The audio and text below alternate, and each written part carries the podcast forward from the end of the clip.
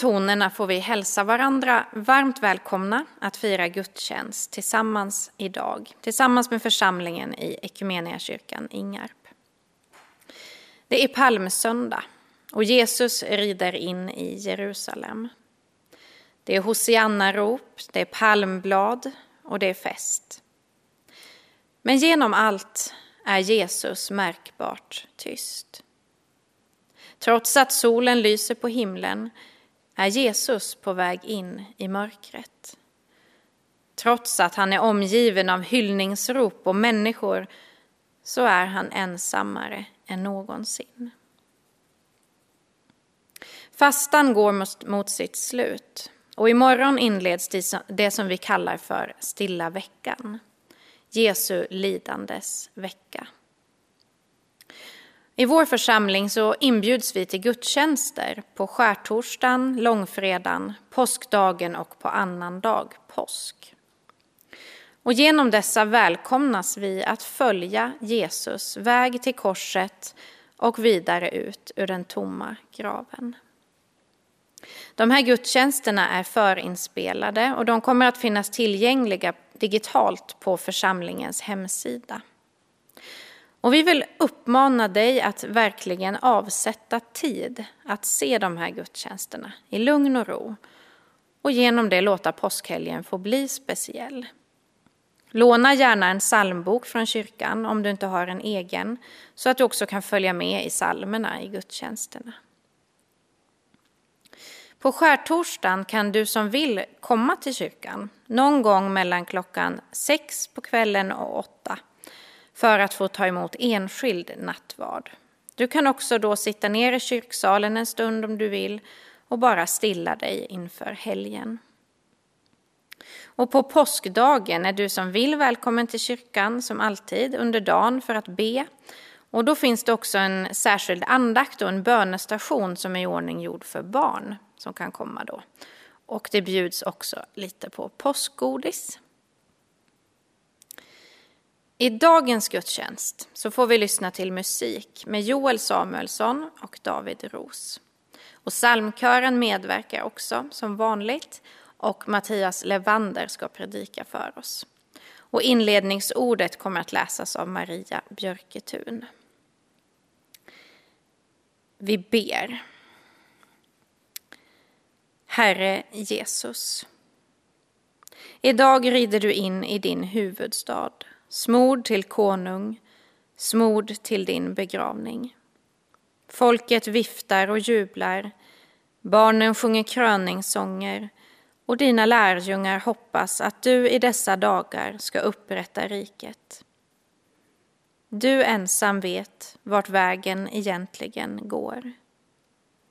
Herre, hjälp oss att följa dig över mantlar och palmer i fattigdom och överflöd, genom politisk och mänsklig förvirring, osäkra på allt utom dig. Du ensam vet vart vi kommer. Du ensam är värd att följa överallt. Själva når vi aldrig fram till hela sanningen, hela kärleken, men ge oss viljan att här och nu strida för deras seger och söka oss fram mot den fullkomlighet som bara finns hos dig. Amen.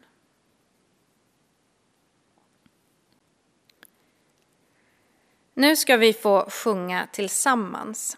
Psalm 499. Dig vi lovsjunger ärar.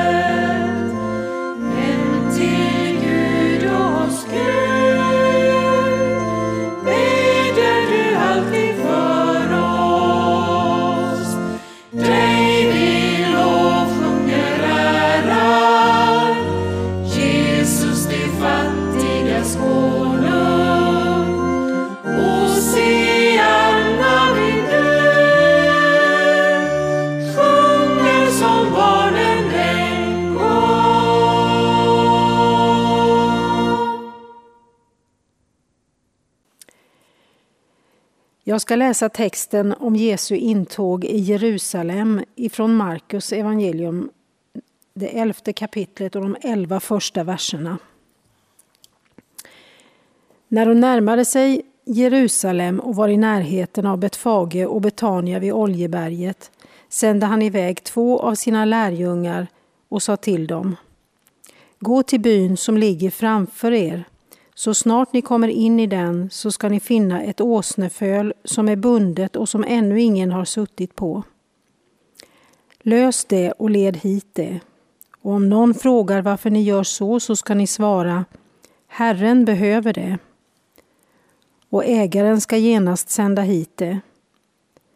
De gav sig iväg och fann ett åsneföl ute på gatan bundet vid en port och de löste det. Några av dem som stod där frågade Vad menar ni med att lösa fölet? Lärjungarna svarade som Jesus hade sagt och man lät dem gå. De ledde åsnefölet till Jesus och la sina mantlar på det och han satt upp. Och många bredde ut sina mantlar på vägen. Andra skar av kvistar ute på fälten och strödde på vägen. Och de som gick före och de som följde efter ropade Hosianna, välsignad är han som kommer i Herrens namn. Välsignat är vår fader Davids rike som kommer. Hosianna i höjden. Så kom han in i Jerusalem, in på tempelplatsen. Han såg sig omkring överallt och eftersom det redan var sent på dagen gick han ut till Betania med de tolv. Vi ber tillsammans. Herre, tack för din nåd och tack för din trofasthet mot oss. Hjälp oss att vi likt lärjungarna lyssnar till dina instruktioner och handlar efter dem. Vi ber att du bildligt talat ska rida in i våra hjärtan och också i många fler.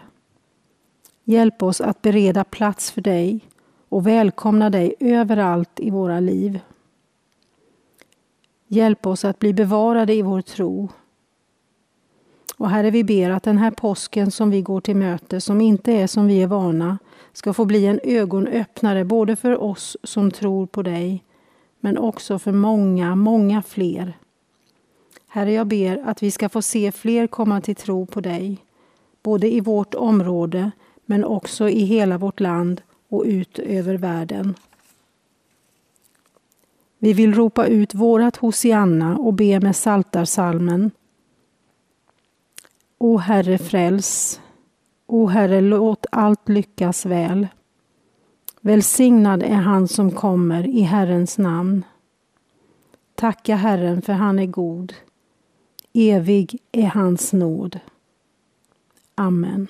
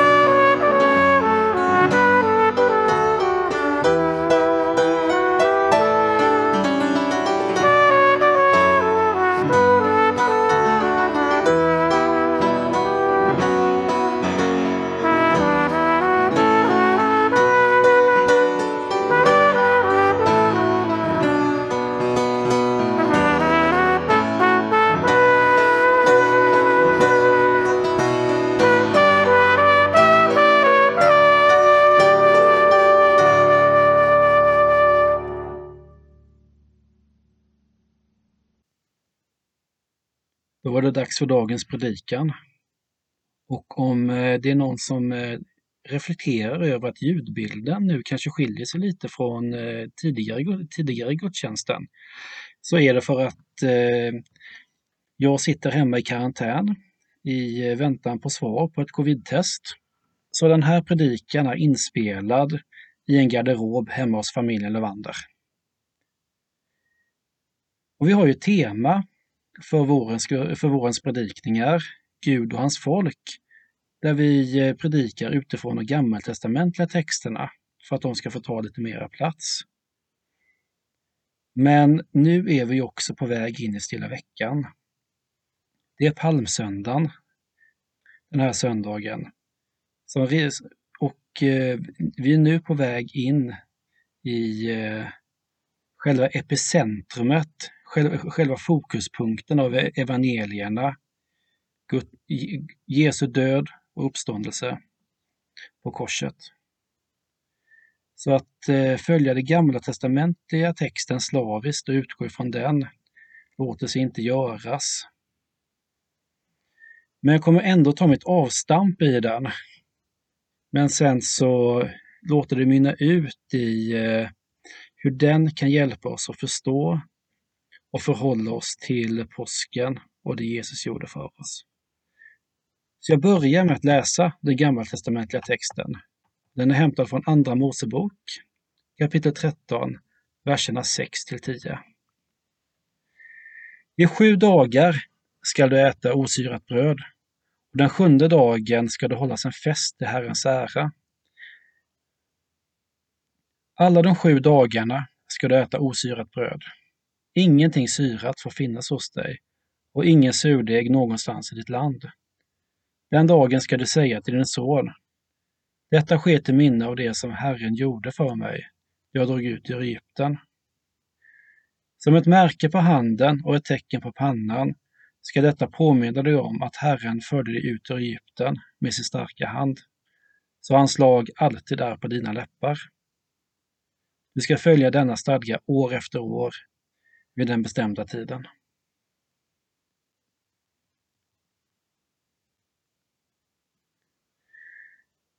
Varför ska vi lyda Gud?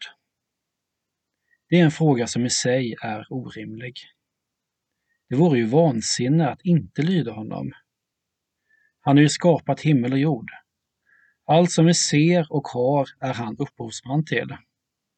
Och det är också han som står som ägare Jorden är Herrens och allt den rymmer, som psalmisten säger.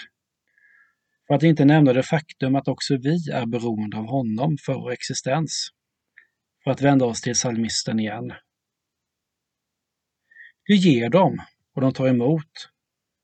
Du öppnar din hand och de äter sig mätta. Du döljer ditt ansikte och de blir förskräckta. Du tar ifrån dem deras ande och de dör och blir åter till mull.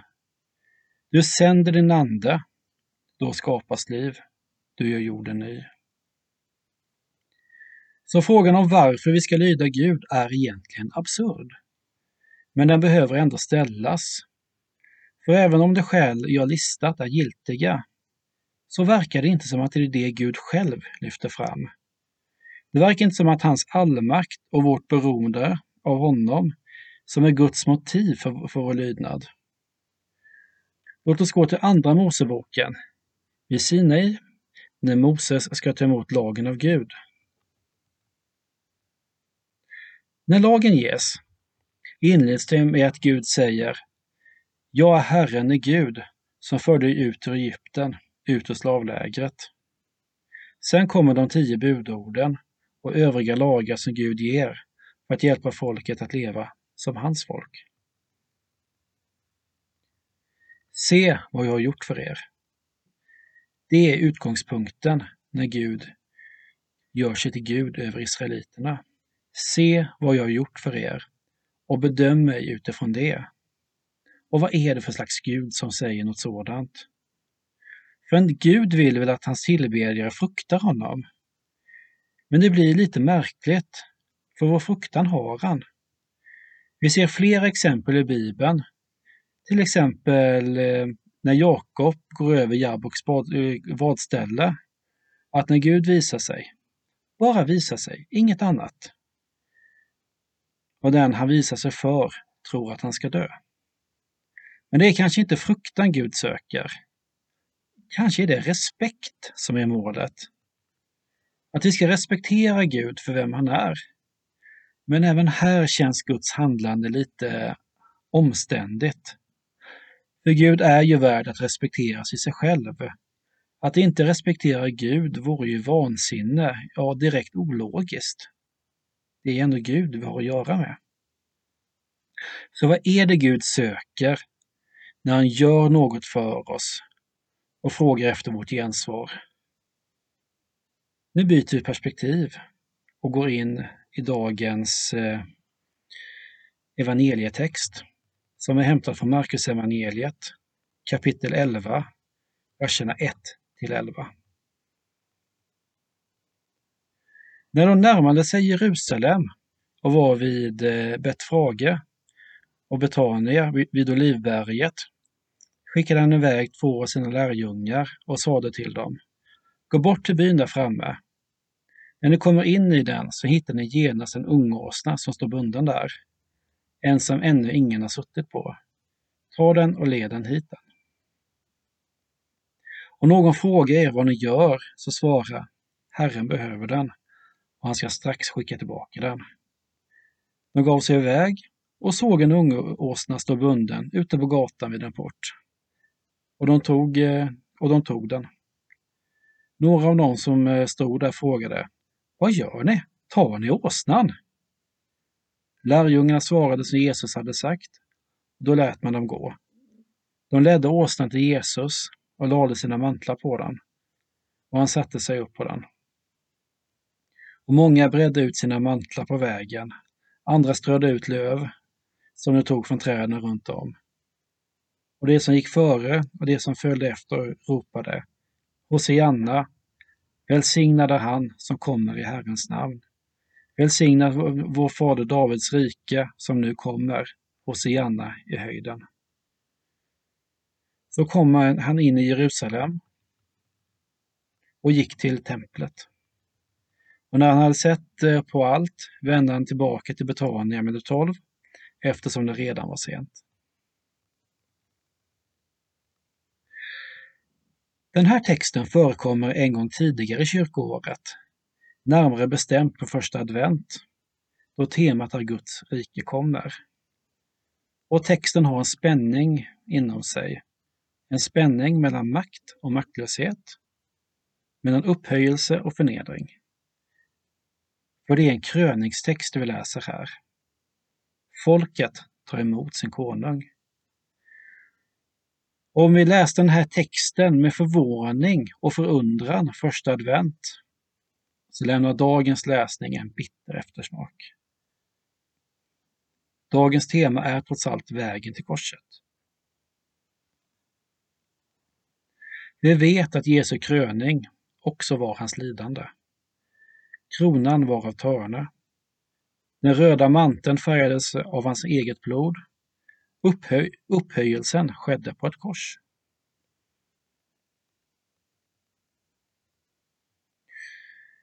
Vi är som sagt på väg in i stilla veckan. Tiden på året då vi minns Jesu lidande och död. Och Jesu handlande har tydliga paralleller med uttåget ur Egypten den händelse Gud ville att israeliterna skulle förstå honom utifrån. Båda var akter av befrielse. Båda var på Guds initiativ. Det var Gud som sökte upp Mose och det var Gud som sände Jesus. I båda fallen riktar han sitt handlande mot eh, människor som inte kan eh, lösa sin situation. Situationen är i bägge fallen hopplös. Ja, det är kört. Och Gud hade inte heller behövt gripa in i något av fallen. Han hade inget ansvar gentemot israeliterna, utan det här var en konsekvens av eh, förbundet som han inledde på sitt initiativ med Abraham. Han hade inte behövt göra någonting där eh, från första början. Och på samma sätt har ju Jesus definitivt inget ansvar gentemot oss. Det är ju så. Den sista som är ansvarig för synden är väl ändå Gud. Så frågan infinner sig, vad är det här för Gud och vad vill han? Vad är det han söker?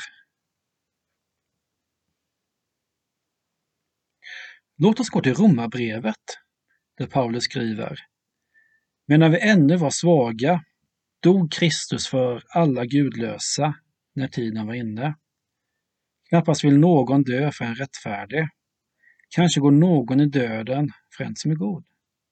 Men Gud bevisar sin kärlek till oss genom att Kristus dog för oss medan vi ännu var syndare. Gud bevisade sin kärlek. Och helt plötsligt faller bitarna på plats. Gud älskar ju oss. Och precis som alla älskande söker hans kärlek ett gensvar. Det ligger i kärlekens natur. Precis som det ligger i kärlekens natur att, att gensvaret inte går att forcera fram. Fruktan går att forcera fram. Den är till sin natur en våldshandling. Även respekten går att tillskansa sig utan den andras medgivande. Det heter ju trots allt att sätta sig i respekt av en anledning. Men kärleken måste vara fri. Den måste vara obetvingad. Ja, den måste väljas. Och här har vi svaret på frågorna vi sökte. Gud är en Gud som älskar oss och som söker vår kärleks gensvar.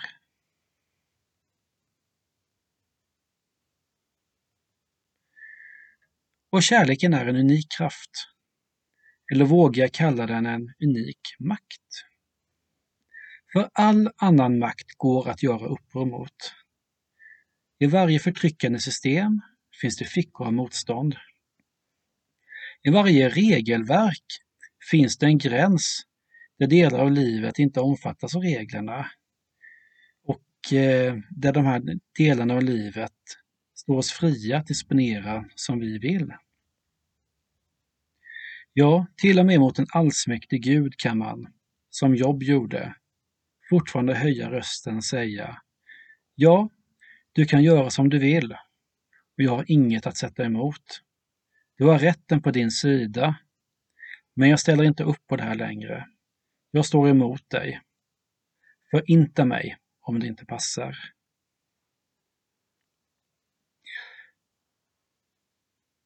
Men hur gör man uppror mot kärleken? Hur vänder man sig emot den Gud som lägger sin allmakt åt sidan, gör allt för mig och sen säger men se vad jag har gjort? Hur vänder man sig med heden i behåll från den som bara vill en gott? Det går inte. Inför kärleken har vi bara att kapitulera och ge vårt allt gensvar.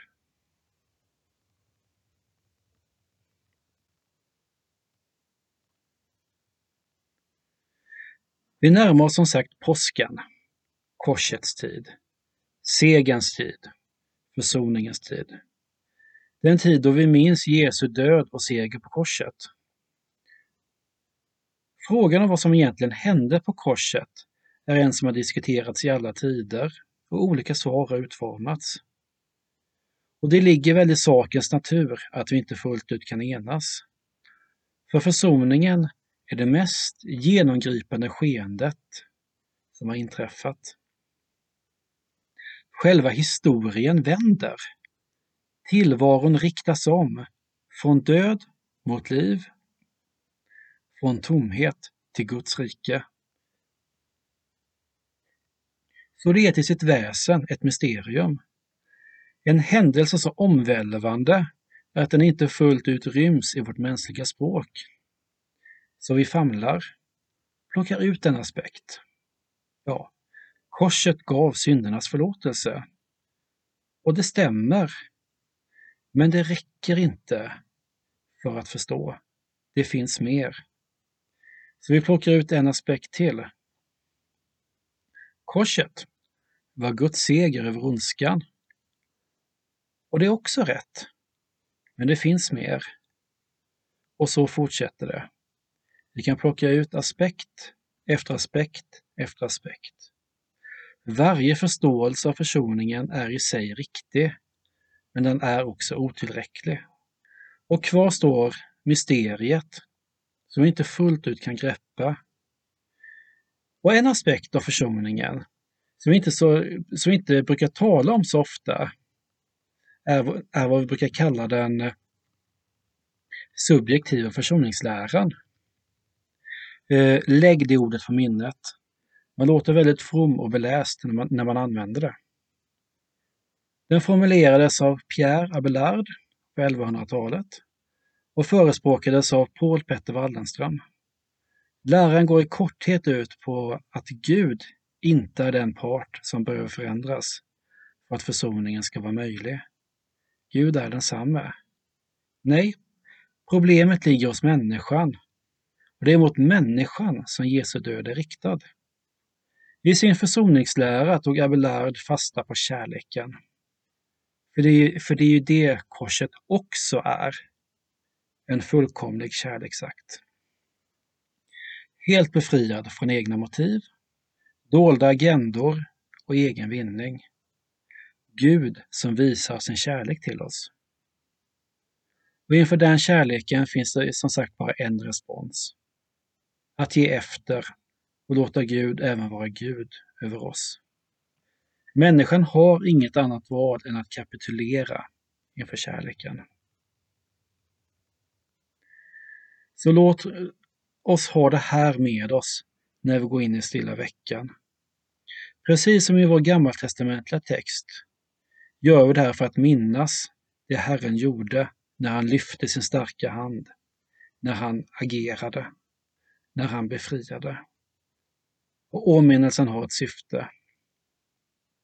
Att hans lag ständigt ska vara på dina läppar. För det är ju det som blir konsekvensen. I mötet med den befriande guden, som bara vill oss gott, finns det bara ett alternativ. Att ge det gensvar som kärleken söker. Ha hans lag ständigt på dina läppar. Låt Gud vara Gud. Låt oss be. Himmelske Fader. Idag möts vi inför det oerhörda att du älskar oss. Inför det oerhörda att du söker vår kärlek. Du som har all rätt på din sida. Du som har all makt på din sida söker vårt frivilliga gensvar för att du älskar oss. Det är någonting oerhört. Det är någonting fantastiskt. Och vi har bara att kapitulera inför det. Låta dig bli Gud. Tack för att allt du gör är av kärlek. Tack för att vad vi än ställs inför så vet vi att vi har en god Gud på vår sida. Tack för att vad du än kallar oss till så vet vi att det finns goda syften bakom och att du är med oss. Jag vill lägga påsken i dina händer. Jag vill lägga den här tiden då vi minns och reflekterar över det du har gjort.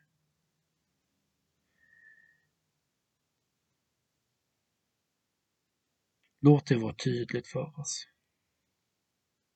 oss var och en. Detta ber jag om i Jesu Kristi namn. Amen.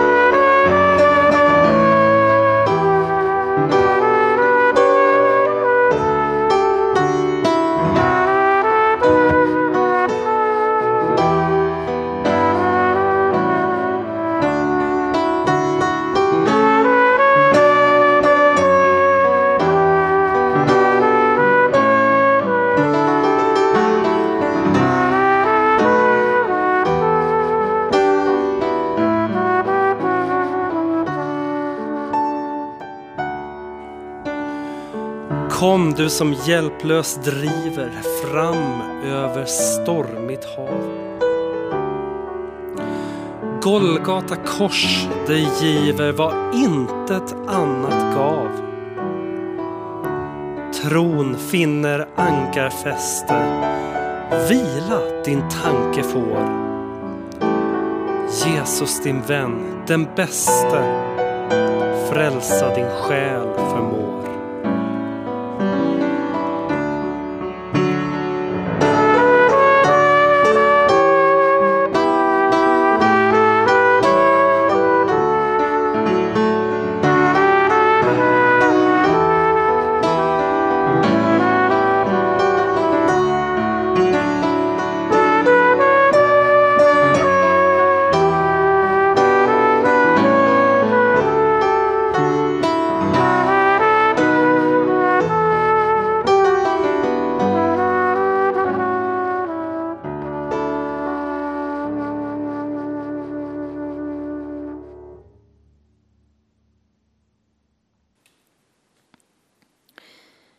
Vi knäpper händerna och ber.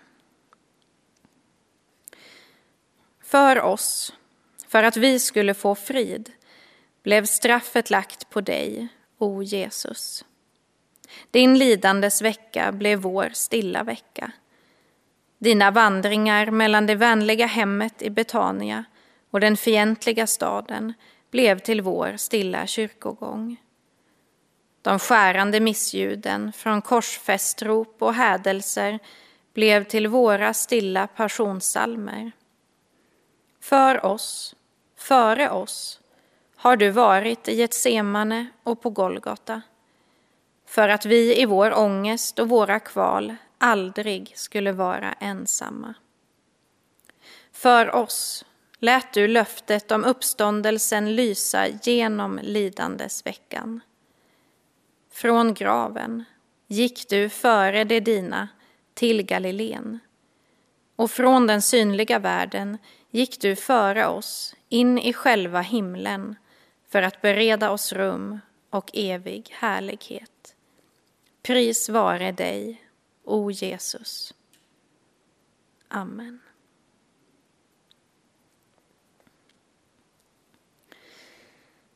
I inledningen av gudstjänsten idag så berättade jag om påskhelgen i församlingen och att de inspelade gudstjänsterna kommer att finnas att tillgå på hemsidan. Och kyrkan är även öppen dagtid och du är alltid välkommen att komma hit för att sitta ner en stund och eller tända ljus i ljusbäraren. Imorgon, måndag, så möts tonår igen klockan 19.00 och på tisdag klockan 18 så fortsätter bönekursen. Under nästa psalm så ska vi ta upp vår kollekt till församlingens verksamhet. Och vi har ju ökat budgeten för offrandet rejält det här året och vi behöver alla hjälpas åt för att nå upp till den här budgeten som vi har beslutat om tillsammans. Och du kan som alltid betala in via bankgiro, gärna med månatlig automatisk överföring eller så kan du använda gåvomaten i kyrkan. Och du kan också swisha in din gåva. Och om du vill göra det så kan du göra det på nummer 123 298 0282. Och jag vill säga ett stort och ett varmt tack för din gåva. Jag vill också säga ett stort tack till alla som har medverkat idag. Tack Joel, jätteroligt att få höra dig igen. Tack Mattias och David och psalmkören och alla andra som har bidragit till gudstjänsten idag och alla våra sådana här gudstjänstinspelningar. Ni är så värdefulla. Vi knäpper händerna och ber för vår insamling idag. Herre, tack för allt som du ger till oss i stort som i smått. Tack för att vi tar emot själva livet ur din hand. Herre, tack för gudstjänsten som vi har fått ta emot idag. Tack för att vi får ta emot gåvor ur varandras händer och genom varandras liv. Tack för att vi också kan få vara gåvor till varandra. Herre, ta nu emot vårt offer, vår gåva till dig och vi ber för de här pengarna som samlas in idag. Låt det få bära frukt och bli till välsignelse för ditt rike på det sätt som du har tänkt. Välsigna varje givare, välsigna oss alla. I Jesu namn. Amen.